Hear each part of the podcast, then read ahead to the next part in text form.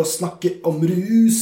Yeah, Skjæra til Larsen og Smestad, en annen god podkast. Nesten like god som vår. Podkast om rus! Velkommen, jeg er Bøffel Fusk. Jeg er Per Stålhånding, og jeg har lyst til å påpeke at når du sa det på den måten, så synes jeg det høres ut som du sa noe sånn som Losjen, på litt sånn eh, fint Oslo-mål hos Mestad. Det er Lotion. Ja, for Hvis det hadde vært Losjen hos Mestad, så høres det også litt ut som en sånn Tore Ryen-spin-off fra Carl Co. Ja, nei, Jeg er helt sikker på at losjen Lotion har en losj eller noe, for han er veldig ordspillkonge. Og han har noen Lotions Eleven og, og masse greier. Mm. Så også en veldig bra podkast. Den kan dere godt sjekke ut. Eh, Men som sagt, eh, hør mest på oss. Yes, Vi skal i dag snakke om psykedelika, og det syns jeg er spennende. Jeg syns det er dørgende kjedelig. Ja, altså du er jo glad i historie og sånn. Den dritten her er ny, Mm. så ikke noe for deg. Fordi det vi skal snakke om i dag, er 2CB. Yay! Og jaggu faen skal vi fylle en hel episode med det. Fordi 2CB fortjener det nå. 2CB er en sær liten røver. Jeg tror ganske mange ikke har hørt om det. Og likevel har det blitt etablert nok til at vi lager en episode. Vi skal... Igjen, denne klassikeren har snakket mye om det løst og fast her og der over de fem lange årene vi har holdt på med denne dritten her. Men Ja. igjen, greit å få ting kondensert på plass. Ja, I riktige former, drøftet. definitivt. Vi har snakka om bees før. Jeg sier bees fordi det er kanskje det eneste kallenavnet 2CB har. Og jeg sier det litt på kødd, for ingen kaller det det. Et eksempel på en annen ting ingen kaller det, er bees nuts. Bees nuts. Jeg eh, reagerer sterkt på det. Jeg liker det ikke. Fordi at han som fant opp dette, det er jo en fyr vi har nevnt før, Alexander Skjulgen. Det skulle, han ville at det skulle hete 2CB. Han ville ikke at det skulle ha et fancy navn. Han ville ikke likt ordet bees. Når uh, dukket dette mystiske Ja. opp? Eller mystiske rusmiddelet opp? Dette mystiske rusmiddelet dukket opp på 70-tallet. Alexander Skjulgin, denne fantastiske kjemikeren borte i California, han eh, lagde jo 200 rusmidler omtrent i sin tid, hvor han prøvde alle sammen først selv. Derfor er han uh, en slags legende i disse miljøene. 2CB ble lagd av han i, på 70-tallet, 74 tror jeg, og så ble det mer forska opp utover 70-tallet. Det er eh, et stoff som senere ble mer populært, fordi det har litt sånn MDMA-lignende effekt. Og så hadde det seg slik at MDMA ble forbudt på 80-tallet i USA. Da ble 2CB plutselig litt mer populært. Da fikk det en saksbølge. Da var det ennå ikke forbudt. Nei, så det det er jo litt morsomt at disse to tingene, som da eh, MDMA og 2CB, som Ja. da dukker opp litt i samme, i samme setning ofte, når man eh, hører litt på folk som snakker om rus, Ja. og ligner vagt på hverandre, og kommer Mm. fra har samme far. Ja, det, det har det. det. Rusfar. Det Alexander Skjulgen gjorde med MDMA, var jo å gjøre det mye enklere. Altså gjøre oppskriften enklere. For å si det sånn, eh, jeg føler at Altså, jeg, jeg er jo ikke noen ekspert på Skjulgen uh, sjøl etter å ha sittet og hørt deg vente i fem streit år, men jeg har jo begynt å skjønne det at eh, om ikke Skjulgen er sjuende far i huset, så er han kanskje sjuende rusfar hengende på veggen i en bong. Han er uh, unik. eh, det det fins vel noen andre fedre, men han er den sjuende. Eh, the, the Grand Old Man han, han var jo der. Han var jo en hippie på 60-tallet og døde jo for ikke så lenge siden. Så han er på en måte en hel generasjon uh, og, og mer. Men Vitenskapens Tommy Chong. Ja, og, og på- mange vis. ja. Og så, og så var han ekstremt suksessrik også som kjemiker. Dette er jo en fascinerende fyr. Han drev med iskalde realfag holdt på å si, ute i skuret sitt. Hvor han Utenfor gården hadde han litt sånn kjemilab ute i skuret. Og Der lagde han alle disse greiene. Og Samtidig var han en ekstremt spirituell buddhist. Og, og Grunnen til at jeg nevner dette, er fordi at det har noe med 2CB å gjøre. Altså Bare for å ta det først. Det er helt grunnleggende i rusrammen her. Hva, Ja. hva du kan forvente å oppleve. Og... Ja, la oss ta det. Når folk skal beskrive 2CB, la meg si det først, at det, det vi har om 2CB, det er stort sett anekdotisk informasjon. Eh, Og den er derfor begrenset, men det har ikke vært, så vidt jeg vet, en eneste, kanskje noen, men veldig få i så fall, akademiske studier på 2CB, så vi får nesten bare høre på hva de sier. Men da beskrives effekten som en slags eh, mellomting eller blanding av LSD og MDMA. Det er psykedelisk som LSD, men det er et entaktogen som MDMA. Og det er et fint ord. Eh, Et entaktogen handler egentlig om at det er Jeg håper å si vekker empati, men det kan være en litt begrenset måte å si det på. Det, det er litt emosjonelt. Ja, altså Det reflekterer liksom mer de sosiologiske sidene enn det vil gjenspeile den psykologiske og farmakologiske egenskaper. Det er ikke den helt store innsikten nødvendigvis. er det det? Nei, men Det er ikke så introspektivt for eksempel, som MDMA kan være. Nei, det, det kan du si. Du vil heller bli mer utadvendt, fordi en, tak, en taktogen som definisjon handler mer om liksom hvordan du oppfører deg i sosiale roller, og, og, og hvordan det liksom påvirker eh, sånne ting. Og bare for, ta, bare for å korrigere innspillet mitt her litt, så er det jo ikke nødvendigvis sånn at MDMA er så eksepsjonelt introspektivt, hvis du sammenligner det med, med, med sopp eller syre og sånne ting. Ja. Men det er introspektivt i den forstand at det brukes jo terapeutisk nå etter hvert. sant? Altså det, det, eller du kan bruke det til en nøkkel til å bli kjent med ulike emosjonelle sider ved deg sjøl, som ikke nødvendigvis er så lett tilgjengelig bare med ord og vanlig, helt uh, rusfri tilstand. Absolutt. Så, og det er psykedelika-siden av det. Ja, men det er den introspektive siden, ja. og den er mye mer positiv enn det den er på sopp, eksempel. Ja, altså for du har, du har denne MDMA-miksen. Jeg husker Første gang jeg hørte om 2CB, så var det noen som kalte det for trippeknips. Det syns jeg var litt styrig, fordi knips er jo ecstasy, og det MDMA skal du egentlig stort sett ikke trippe så mye av. Men så de folka hadde jo bare spist piller, da, vet du, så det var trippeknipsen, den som gjorde deg litt sånn trippa. Uh, så det er åpenbart at uh, det er vanskelig å beskrive effektene til 2CB uten å beskrive MDMA osv. Men uh, det er fordi at de er samme type stoff. MDMA er litt unikt, men det er, de er det som heter fenetylaminer. Og det er de som ofte kalles for entaktogener også. 2CB er en del av en familie. En mm. koselig liten gjeng med 2C-stoffer, hvorav du kan nevne 2CI, 2CE, 2CC. Det er jo en alfabetisk liste mm. uh, som går et stykke ned. Så det er litt forskjellige vridninger på ett molekyl, og så har du noe nytt? Ja. Og av de så er vel 2CB det mest populære. Det tror jeg har å gjøre med at det er mest behagelig, mest spennende og ikke varer så lenge. Jeg tror noen av dem er, varer veldig lenge. Shulgin igjen, han skrev om 2CB i sin bok Pikal, 'Phenethylamines I Have Known and Loved'. Han og hans kone de mente begge at 2CB kunne være nyttig som verktøy i samtaleterapi. Han skrev også i boken at Tosebe Toseby har en egen uh, greie knyttet til seksualitet, uh, noe hans barn syntes var kjipt. Ja, det er jo alltid kjipt når unge åpner biografien til far og finner ut hvor mye han pøker. Jeg tror de var ganske gamle når de skrev det. Også. Det, det er gøy. Men, Men, kan jeg bare komme med et lite innskudd, sånn, sånn, for å bare bli ferdig med den biten som vi alltid har For vi havner ofte inn på at det er noe sexgreier. Ja, jeg, jeg må, på 2CB så må det nevnes, og jeg bare beklager det. Ja, ja. Og det er ingenting å beklage, men det er, det er en tendens som jeg lenge trodde kanskje var eh, pga. at redaksjonen er litt barnslige til sinns, og at det derfor dukker opp i tide og utide. Men det ser ut til å danne seg et lite mønster med ruspreik generelt. Ja. Som ofte begynner altså, snak, ja, Men snakker du lenge nok om rus med noen, så vil det før eller siden komme til spørsmålet kan du pule på det. Det er noe av det første folk prøver å gjøre når de er på et drug. Altså, yeah. go, go, to activity. Ja. Når 2CB blir beskrevet som Men jeg tenker at ok, det kan være relevant å si det, for siden sånn MDMA og 2CB og noen andre stoffer kan på en måte være mer eh, i det, det, seksuelle spekteret enn andre rusmidler, mm. så begynner jeg etter hvert å mistenke at grunnen til at mange av disse her rusmidlene nettopp blir klassifiserte som lettere seksuelt ladet, er pga. at de løsner opp noen hjernekretser ja. som gjør at noen tanker blir litt lettere å forholde seg til, eller ja. litt lettere å utforske. Så det jeg sitter og stusser på, er om det ikke nødvendigvis er sånn at det er først altså At du, du kunne ikke sagt at disse stoffene er sex drugs. ja, men, men nå må vi ta det at 2CB har blitt solgt som sex drug. Yes. Eh, som afrodisiakum. Mm. Uh, men, men, bare for å ta det kjapt òg, fordi det er uh, Jeg, jeg merker jo at vi også ofte snakker om uh, forbanna sex. alt handler jo om det. Men, men innenfor rusverden så er det, kaller man det libidoforsterkende stoffer. Yes. Og libido er det som på en måte for begge kjønn er i bakgrunnen en slags motor for seksualiteten din. Som varme, Ikke nødvendigvis evne, men lyst. Ja, og hvis du er på et libidoforsterkende stoff, så trenger du ikke noe forspill. Du er på en måte varma opp fra før. eller noe mm. sånt da. Og uh, libidoforsterkende stoffer det er de som har uh, ofte litt stimulans i seg, og som i hvert fall har mye dopamin. De som, de som gir deg mer dopamin i hjernen for at du føler deg bra, for fordi du ønsker ønske mer dopamin. Mm. Uh, som sex for eksempel, kan gi deg. Det, det, ser ut til å være de tinga. Og så er det veldig, fins det en liste over libidoforsterkende stoffer, og så er det veldig rart hvorfor de, hvorfor de ser ut som de gjør. Ja.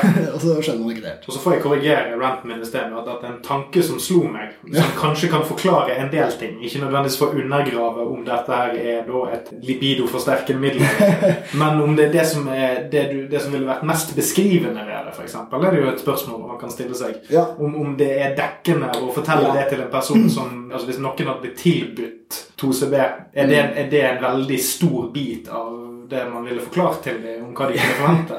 ja, det er, altså, det er, alltid litt sånn sketsj å, å, å, nevne det, fordi folk mm. reagerer såpass uh, si, ulikt. Men det som er relevant for 2CB som spesifikt her, og, og holdt på å si hvorfor vi må nevne seksualitet, det er at 2CB er et stoff som gir veldig forskjellig ruseffekt ut fra dosering. Og det er litt sjelden. Altså greit, Jo mer du tar, jo mer effekt får du. Uh, men her får du forskjellige effekter ut fra hvilken dosering du tar. Og det man uh, ser der, er at hvis folk tar lav dose 2CB, så kan de få forsterket libido. Altså mm. de, kan, de, kan, bli kåte, de kan få tanker om seksualitet, masse sånt. Noen får det, noen får det ikke.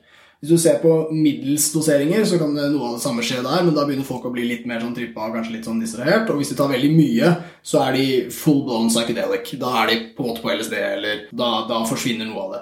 Så, så når 2CB ble solgt som afrodisiakum, så ble det solgt uh, Jeg veit. For et ord. Så, så, var det små doser folk skulle ta. Og når du tar små doser, så er det ikke sikkert du får så mye psykedelisk effekt. Du blir litt stimulert, litt blid og kanskje i humør. da. Og Hvis du putter i en sånn kontekst, hvis du putter i en boks og sier 'her er sexdruget', så tror jeg den rammen uh, gjør mye. Det ser ut til Og det påvirker jo òg brukergruppen. Når det Ja. det du sier at det er. Da er det jo de som er keen på det, som Ja, vi skal komme litt tilbake til det, at 2CB ser ut til å være et stoff som kan, kan brukes til mye rart, da, hvis du putter i forskjellige rammer. Ja, Litt tilbake til historien. 2CB var jo, som sagt, ble forbudt etter MDMA. Mm. I USA så ble det forbudt på 2000-tallet en gang. I Norge ble det forbudt i 2008 først. Da vi fikk en ny uh, narkotikalisteoppdatering, eller hva det var. Derivatloven måtte oppdateres. Men da det ble solgt på det globale markedet, ble det solgt under navnet Nexus og Erox.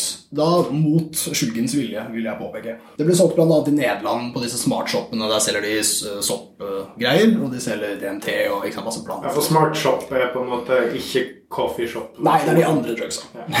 Du kan si de andre som er greit lovlige. Da. Ofte naturlige ting.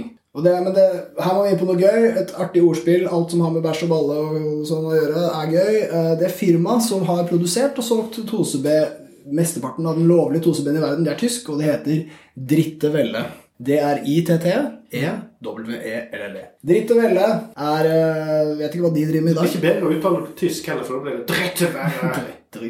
Ja, det blir litt sånn dansk. Men det, de solgte det som afrodisiak. Nå, sier jeg, nå stopper jeg ordet der. Eh, Nå setter vi et moratium på bruken. Oi, morativ. Snart sier, jeg, snart sier jeg bare afro. Snart sier vi gymnas. Men, eh, men det ble trolig også brukt til andre rekreasjonelle aktiviteter, selv om det da sto sex på esken. Også. på å si. Eh, på 90-tallet så, så fikk det altså Siden det ble spredd såpass eh, mye en stund, så var det da både lovlig og veldig billig. Veldig billig å lage dette stoffet. Så da skjedde det litt komiske at det ble uh, utbredt litt sånn rare steder i verden. Og i Sør-Amerika så var det da spirituelle miljøer, og da snakker vi om stammer. Og jeg har noen av navnene her. Sangoma, Nyanga og noen av disse afrikanske. så pass på. Uh, Ama, Amagkurkria Ja, sorry, ass. Men det er flere stammer da, som begynte å bruke 2CB i ritualene sine. Så de byttet da ut tradisjonelle planter, ofte DNT ayahuasca-mix, med 2CB. Og dette er utrolig fascinerende. De gjorde det sikkert av liksom praktiske hensyn. Veldig billig, veldig enkelt, veldig greit. Men uh, de rapportene disse sjamanene kom med etterpå, det var at det var helt perfekt for deres bruk. Altså Du, du virkelig snakket med jungelen og altså, hva enn de hadde av bilder og sånn. Alt dette skjedde. Alt, alt det innfridde som bare det. Det er jo litt interessant, da, for dette har jo da mest sannsynlig kommet inn Altså, Når var det dritteveldet holdt på? For Begynte de før apartheid? eksempel? Ja, det var på 80-tallet. Ja, så- apartheid varte vel til 94 eller noe Mm. sånt. Så da har det jo kommet inn Shit. via handel med white power. Ja, Tysk, Tyskland, Sør-Afrika Connections. Ja. Oi, oi, oi. Det er et veldig godt poeng. Det driter veldig gjorde.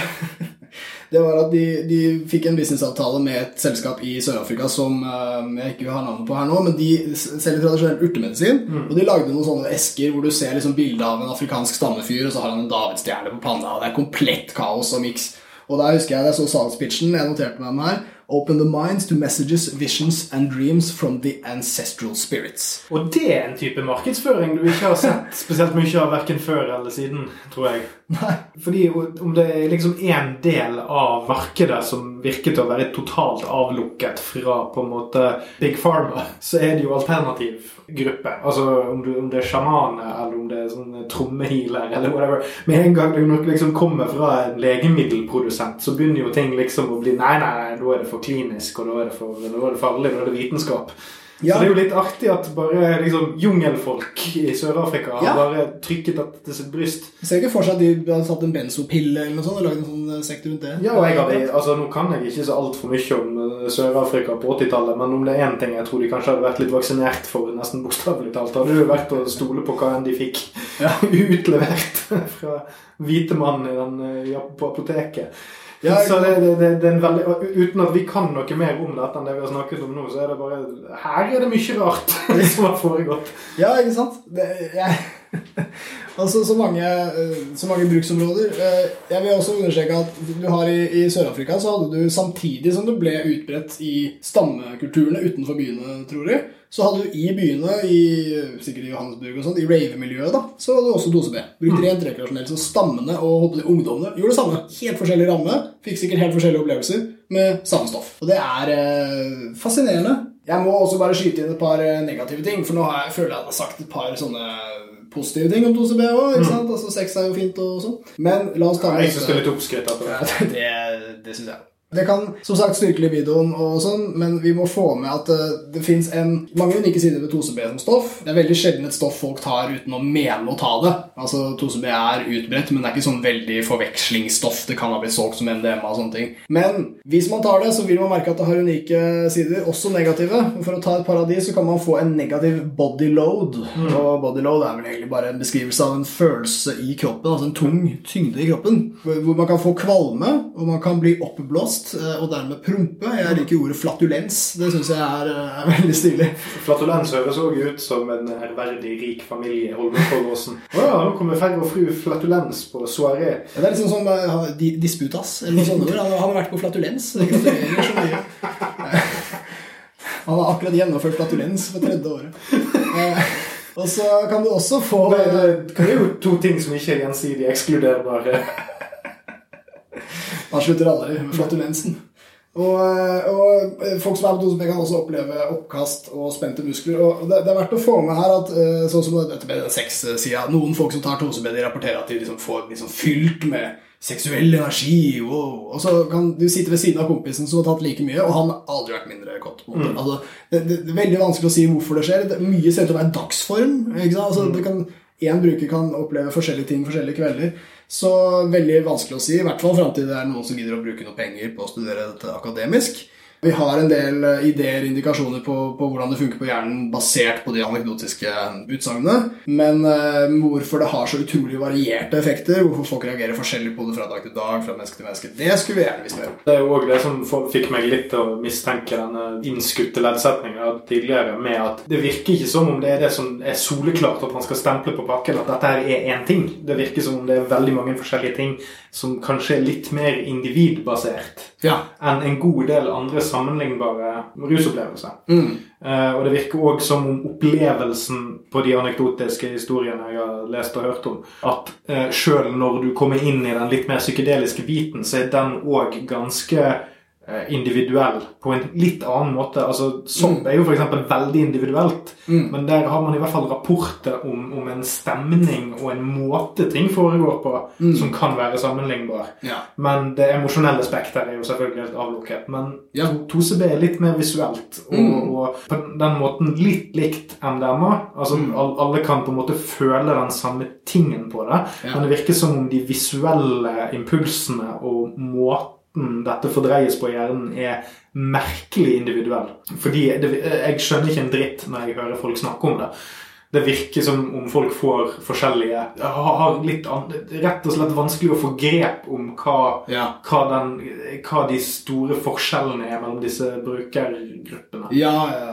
Og jeg må si eh, en ting jeg hører, som igjen, hvis jeg skal prøve å underbygge hva som er unikt med denne greia, hvorfor det er verdt en hel episode, liksom. En unik side ved det, det er at folk, når, folk er eh, trippa, altså rett og slett har en psykedelisk opplevelse, evig vanskelig å definere hva en tripp er, så er de veldig ofte veldig introverte. Men her har man denne kombinasjonen av å være psykedelisk påvirket, trippa, og at man er på en måte på MDMA. Man er sosial, man er utadvendt.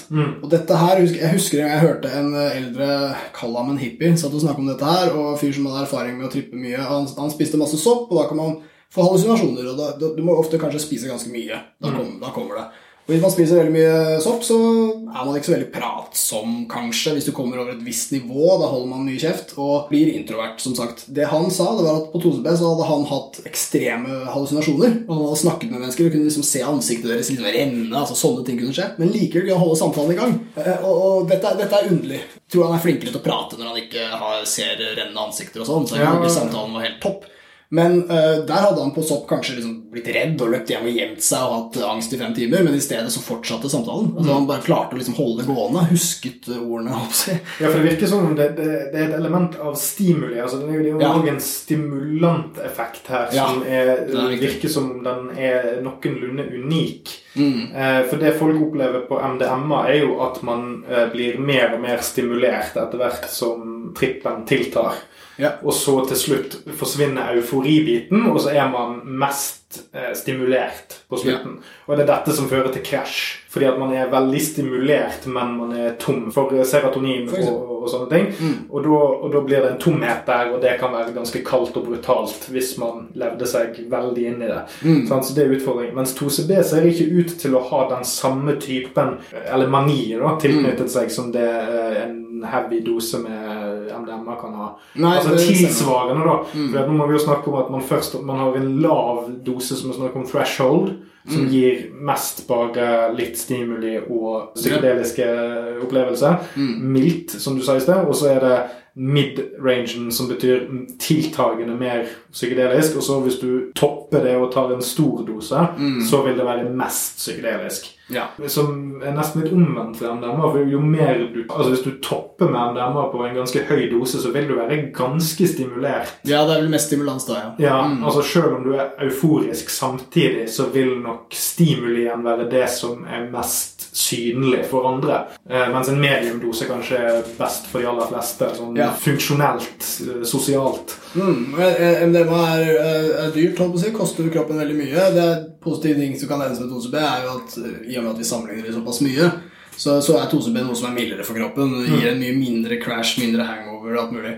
Og hvis jeg skal liksom ære Sjulgins ånd igjen her, da, så som sagt, det han skrev i boka si, det var jo at, at eh, 2CB var veldig bra for samtaleterapi. Det var det han hadde veldig tro på. Og han var jo en veldig spirituell fyr, så jeg tror at han hadde satt veldig pris på altså, I og med at det fins en slags mystikk i 2CB, så, så tror jeg det var noe av grunnen til at Skjulgen likte det så godt. Han kalte det sin største opplevelse, sin, sin største suksess. Og han hadde sikkert likt veldig godt at det var masse indianere og alt mulig spennende grupper som brukte det på den måten, til ritualer. Men jeg tror ikke han hadde vært så gira på disse rave-greiene, for det så han på som litt sånn dårlige ritualer, mislykkede ritualer. Så jeg, jeg skulle ønske at det var en gruppe som brukte 2CB til å ta håper jeg, små doser og ha samtaler med folk man bryr seg om, og, og bruke det litt klinisk, litt mer Ha det gjerne gøy for all del, men ikke altså, snakke med hverandre, da. Og det, det tror jeg kanskje er den gruppa som vi ser minst av. Det kan hende. Synd. Og og bare for å ta akkurat det der med rave versus uh, sjamaner, så syns jo jeg at det, det er jo visse sider ved ravekultur og sånn partykultur Ja. som uh, jeg tror til en viss grad er en moderne variant av litt sånn uh, hippie-sjamanisme. Ja. sånn. Selvfølgelig vil en veldig stor del av ravere bare være ute etter å herje og ha det gøy. sant? Men jeg tror òg det er litt tilfelle litt overført betydning med veldig mange som søker spirituelle råd. og sånn. Mm. Altså det, det er jo et jag etter noe. Spørsmålet er hvor reflektert du er rundt det. Og jeg tror i enkelte deler av ravekulturen så er det jo folk som ser på det som en livsstil og som en, at de får utløp for noe. Mm. Så selv om det ikke nødvendigvis er så jævlig introspektivt, så er det i hvert fall en slags, et slags mål med det. Ja. Om ikke det sant? Og relig- religion er jo veldig fort sånn at det er ikke sånn at jeg vet hvorfor, men det gir meg jo en eller annen slags purpose. Så, så, så jeg tror ikke nødvendigvis at disse to tingene er så liksom diametralt Diametralt? Diametralt? Diametralt. diametralt Mm. eh, motsatte som de kan virke på overflaten. Altså, det, jeg tror det spiller litt på de samme, noen av de samme strengene liksom i, i sjelen, eller hva du skal kalle det. Ja, ja, jeg tror det. Jeg tror mange av de samme behovene kan mettes. eh, Og jeg tror som sagt dette er et verktøy som kan brukes til veldig mange forskjellige ting. 2CB har livets eh, rett fordi det ikke er så veldig tungt. Fordi det kan hjelpe folk med masse rare problemer, enten det er samtale eller sex eller whatever. Men jeg har nesten lyst å minne om at Shulgin syns at raves var litt høylytt. Så det rett og slett var litt Du blir overkjørt! Altså, Hvis ikke du kan ha en samtale på et sted, så trives ikke gamle Alex der. Vet du hva de sier? If it's too loud, you're too old. Han eh, ble født et, et godt stykke før den første raven kom. Ja. Eh, Det, det må vi få med. Ja, det, la, oss, la oss alltid huske at liksom, det er en grunn til at det er sjuende far i huset. Altså, du, du, på et visst punkt så vil de kulturelle betraktningene dine bli litt vel utdaterte og ikke fullt så relevante. La oss heller høre på innsikten, ikke nødvendigvis fordømmelsen. Yes. Men, men, men uh, før vi avslutter her, eller begynner på uh, avrusningen vår, så bare kommer jeg på det at vi har jo snakket om de te liksom, potensielle terapeutiske sidene her. Ja, ja, det, det er bra. Og det som er litt sånn pussig, er at jeg føler ikke at jeg har fått helt grep på når det slutter å være et rusmiddel, og når det begynner å bli terapeutisk. Det virker, Når man leser om MDMA, og sånn, så virker det litt mer tydelig hvorfor. Ja, nei, altså Terapi er jo jobb, ikke sant? Og rekreasjon er jo fest er moro. Terapi har vel, altså Nå, nå er ikke jeg helt ekspert på dette, nå, litt freestyle, men terapi har et eh, mål, en slags sånn case. Dette er det vi skal jobbe med, og dette er dit vi skal. Vi skal i hvert fall i den retningen. Så du kan ikke liksom velge hva du vil snakke om. Du kan ikke la hjernen spinne. og altså, det, er, det er fest. Når, når det ikke er en retning nødvendigvis, når det bare veien oppstår mens du går. Mens i terapi nei, da skal vi sitte og snakke, og så skal vi ha liksom fremgang og sånn. Og det jeg vet er at forskjellige rusmidler må ha forskjellige terapiformer. For eksempel med sopp så har vi brukt veldig lang tid på å utarbeide hvordan det kan brukes i terapi. Og da var det ikke samtaleterapi som var veien, for folk blir introverte. Nei, der har du, har du en del ganske forferdelige eh, worst case scenario, Ja, når, du, når du driver liksom og finjusterer metodikken din. Ja? Hvis, hvis terapeuten driver og skremmer vettet av deg, så, så blir det ikke noe bra terapi. ikke sant? Står og brøler deg opp i trynet. Hva føler du nå? Ja, ja, du opplever det sånn. ikke sant? Terapeuten er egentlig sånn Hvordan føler du det? Du bare du, du føler hun skriker. Men så tror jeg at altså, MDMA-terapi er mye mer sosial, holdt på å si. Mye eh, Triveligere. Trivelig. Veldig trivelig. Ofte, ofte som en veldig koselig psykologtime. Mm. Mye fokus på deg og snakk om hva du vil, og så lokker vi fram disse traumene. Ja, fordi at i Det som er fordelen med dem, er at man er på en måte Man har nesten Man er nesten sydd inn i Ikke sydd inn i, men du er dekket av pute. Ja. Altså, at, man gjenopplever ikke traumer. Og, ja, altså. Fordelen er at du kan begynne å snakke om kjipe ting, og så føles det ikke kjipt å snakke om dem. Ja, Det kan godt hende at OCB har noen sånne sider, i og med at det har såpass mange likhetstrekk. Jeg tror at altså, Anne Shulgin, kona til Alexander Shulgin, eh, lever ennå, topp dame, hun mente at det var særlig familieterapi som uh, 2CB kunne funge til. Og Det er jo veldig interessant. Bare se for seg en familie på 2CB i det hele tatt. Jeg kunne tenkt meg å høre ungene deres sånn. sånn. Jeg tror man måtte utvikle en egen eh, terapiteknikk knyttet til rusmiddelet, hvor man da tok hensyn til dosering og sånn, særlig når det er snakk om et stoff som har forskjellige effekter ut fra hvilken dosering man tar. Og så tror jeg man måtte lagt opp et løp knyttet til hvordan rusmidler fungerer. Da, sånn det går liksom hånd i hånd. Veldig viktig at samlivsterapeuten ikke vikarierer for familieterapeuten.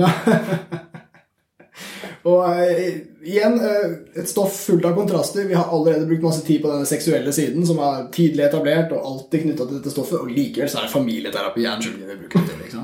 Så det er, det er komplekse greier. Men, men at det åpner, det åpner mange mange si, muligheter som verktøy i terapi og fest og alt mulig. Enten det er en stamme eller en rave eller et uh, terapikontor. Og for å sette en button på akkurat det terapeutiske, så var det jeg fikk ut av det du sa nå, egentlig Ja. bare at det er noen påstander her som ikke nødvendigvis er feil, om mm. at det kan ha en terapeutisk effekt, men det er ikke så lett å si noe om rammene eller hvordan Altså, rusmidler er rett og slett litt for vanskelig å, å spikre fast. Ja, vi mangler så mye, men, men jeg kan si at det er trolig likt som MDMA-terapi. Veldig mye likt som det. Men det kan jo hende at uh, det er noen ting uh, MDMA ikke er så bra til og, i terapi, som 2CB er osv. Så videre. så, men det vi sliter med med 2CB, er mangel på informasjon. Uh, vi har veldig mange folk på internett som er veldig flinke til å tolke informasjon. Når de hører, leser nok trip reports, så skjønner de ok, da er det den reseptoren og ikke den. og sånn. Så vi har noe kunnskap, men den er samlet av anekdoter. Så vi, vi er helt prisgitt at folk er ærlige, og det er, her er folk som ruser seg mye også. Ja, Og det er ildsjeler, og det er Ja, det er det. Så, så det vi trenger, er jo autodidakte, ikke det kalles? Jo, og jeg ville veldig veldig gjerne likt å ha både nevrologiske studier. Det tror jeg kanskje er det vi har nærmest å få, for Mm. der skjer det mange ting. Men, men psyk psykologiske. Altså rett og slett hvordan det, hvordan det påvirker hjernen, og hvordan det kan brukes til å påvirke hjernen. Mm. Ja, Det har jeg tro på. Tar vi en kjapp avrusning. Yep. Avrusning! Yes, folkens. Tose B er selvfølgelig verdig en egen episode. Nå har det vært der så lenge. Det fortjener det. Et psykedelisk stoff laget på 70-tallet av gamle Skjulgin. Rest in peace, syvende far i rusehuset. Eh, det har en eh, ganske egen effekt, men beskrives likevel som en slags mellomting av LSD og MDMA. Det fins en hel familie av 2C-stoffer, men 2CB er den mest populære folk bruker. Det har eh, flere stoffeffekter i seg, holdt på å si. Det er både stimulerende og psykedelisk, og det kommer an på hva mye du tar, så det her er det mye å bli forvirret av. De fleste som tar 2CB, mener å ta det. Det er ikke så veldig mye forvekslet. Det var lovlig ganske lenge, og derfor fikk det en viss utbredelse. Etter at det ble forbudt, så har man mista litt oversikt på det. Det brukes av sjamaner og stammer både i Sør-Amerika og i Sør-Afrika. Eh, så vel som på raves og kanskje i terapikontorer i veldig mørke kjellere uoffisielt. Sånn for å trekke en linje tilbake igjen til nordnorsk rusepisoden vår med Klisj, Ja. så hadde det jo vært virkelig interessant om vi kunne fått en sånn hotline mellom disse sjamanene i Sør-Afrika og eh, disse her uh, lavvo-reinsdyrpissfolkene i Kautokeino. Jeg lurer om det er mye likt. Had- Hadde det vært noe interesse der? Det tror jeg, ass. Det tror jeg, ass. Er folke, folkemusikk er lik i alle land, vet du. Så det Det er noe skråling og noe trommer. ligner veldig. Ligner veldig. Masse primærfarge. Så ja, shout-out til Dritt og Velle. Jeg vet ikke hva dette selskapet gjør i dag, men det, de har sikkert noe bra dritt på gang. Ja. Det er veldig seint på kvelden, folkens. Eh, håper dere har satt pris på vår eksepsjonelt dyptgående halvtimes eh, dypdykk i 2CB-ens verden. Takk for oss.